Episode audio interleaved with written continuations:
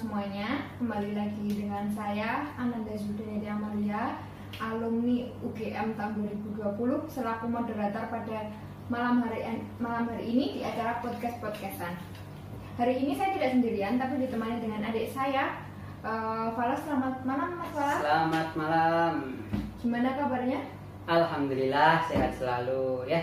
Eh, sekarang kita saya juga masih diberikan kesehatan nikmat kesehatan oleh Allah Subhanahu wa taala dan semoga kita semua lah ya diberikan kesehatan untuk eh, hari-hari ke depan dan bisa melewati masa-masa sulit untuk melewati pandemi COVID-19 ini. Ya, amin. Alhamdulillah sehat selalu kita.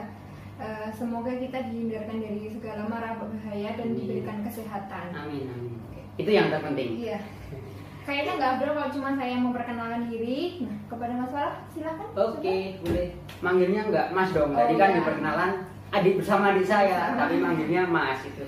Ya, uh, perkenalkan nama saya Ikhlasul Falah Ananda, mahasiswa Ilmu Pemerintahan Universitas Muhammadiyah Yogyakarta tahun 2019 itu. Ya.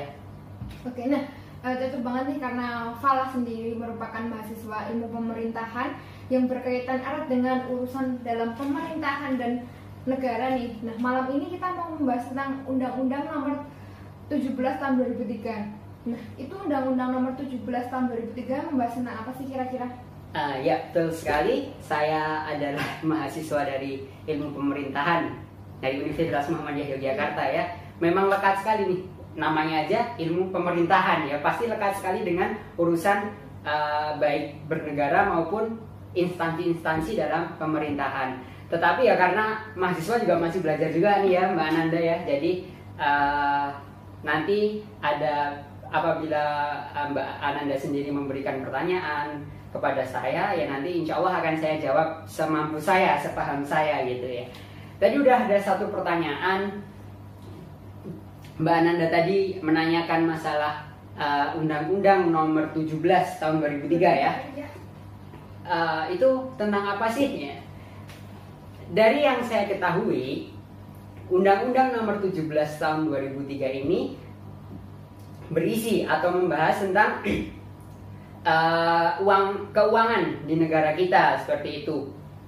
Baik uh, ada pemasukan keuangan negara itu dari mana saja gitu, terus nanti pengeluaran atau belanja negara itu untuk belanja apa saja seperti itu dan juga APBN dan APBD itu juga dibahas dalam Undang-Undang Nomor 17 Tahun 2003 ini. APBN itu adalah uh, anggaran perbelanjaan, eh anggaran pendapatan dan belanja nasional itu setingkat negara. Dan APBD itu adalah anggaran pendapatan dan belanja daerah itu setingkat provinsi seperti itu. Itu secara garis besar sih yang saya ketahui Undang-Undang Nomor 17 Tahun 2003 itu yang membahas tentang pro, apa masalah keuangan di negara kita, negara Indonesia ini ya. Kalau ngomongin keuangan nih ya, kan nggak bisa lepas dari kata korupsi. Bagaimana pendapatnya? Iya, betul sekali ya. Indonesia itu masalah berbicara tentang keuangan Indonesia itu memang kata yang paling dekat atau yang paling cocok adalah korupsi gitu.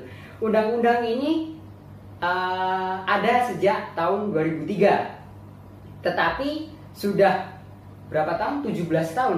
17 tahun ini belum kelar masalah korupsi padahal di sini juga dibahas tentang BPK atau Badan uh, Pengawasan Keuangan ya BPK itu tetapi juga belum kelar itu reformasi kita sudah sejak tahun 98 sudah 22 tahun, tahun yang katanya kalau reformasi itu memberantas KKN, korupsi, kolusi, korupsi dan nepotisme.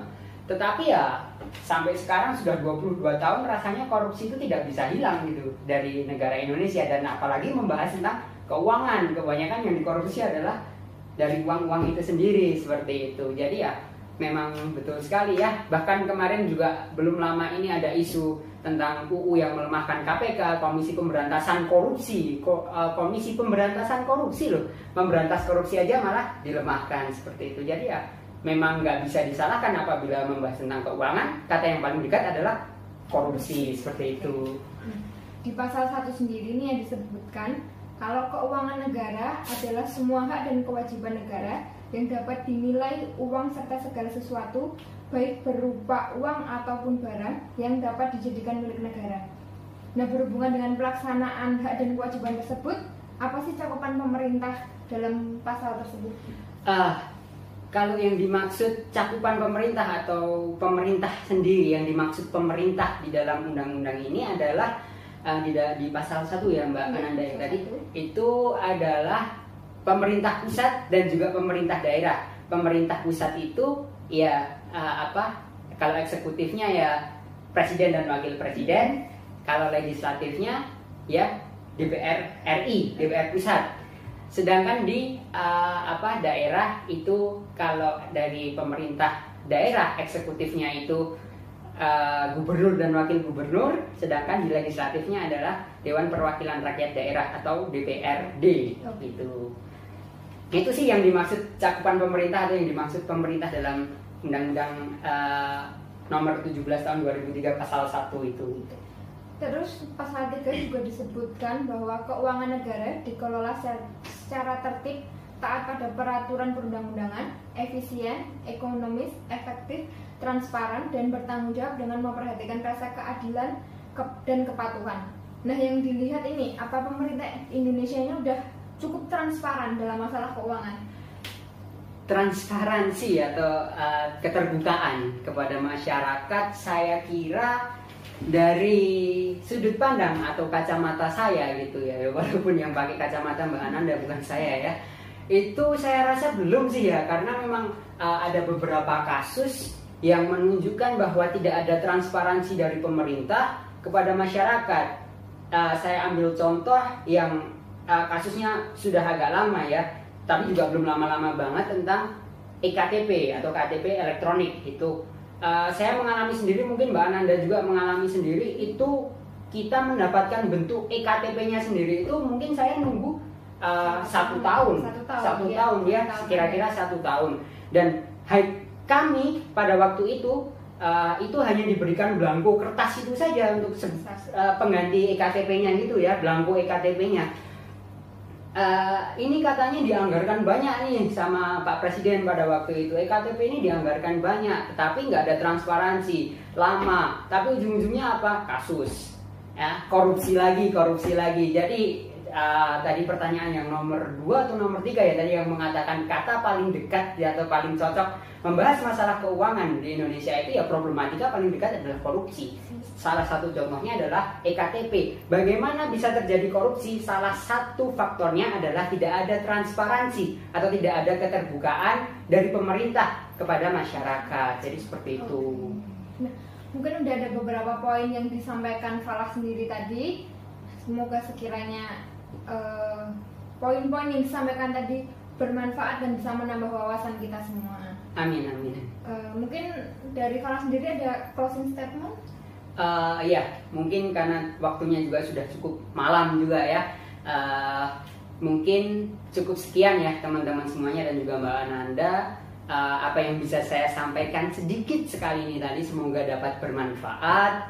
Uh, apabila banyak sekali kesalahan jelas banyak banyak sekali kesalahan dari apa yang saya sampaikan itu murni munculnya dari diri saya pribadi dan saya meminta maaf yang sebesar-besarnya apabila ada kelebihan atau manfaat dari apa yang saya sampaikan itu murni munculnya dari Allah Subhanahu wa taala.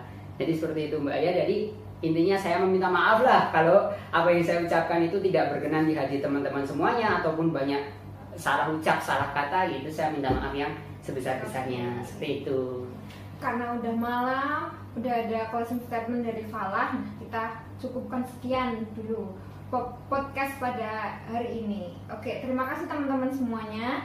Selamat malam. Wassalamualaikum warahmatullahi wabarakatuh. Waalaikumsalam.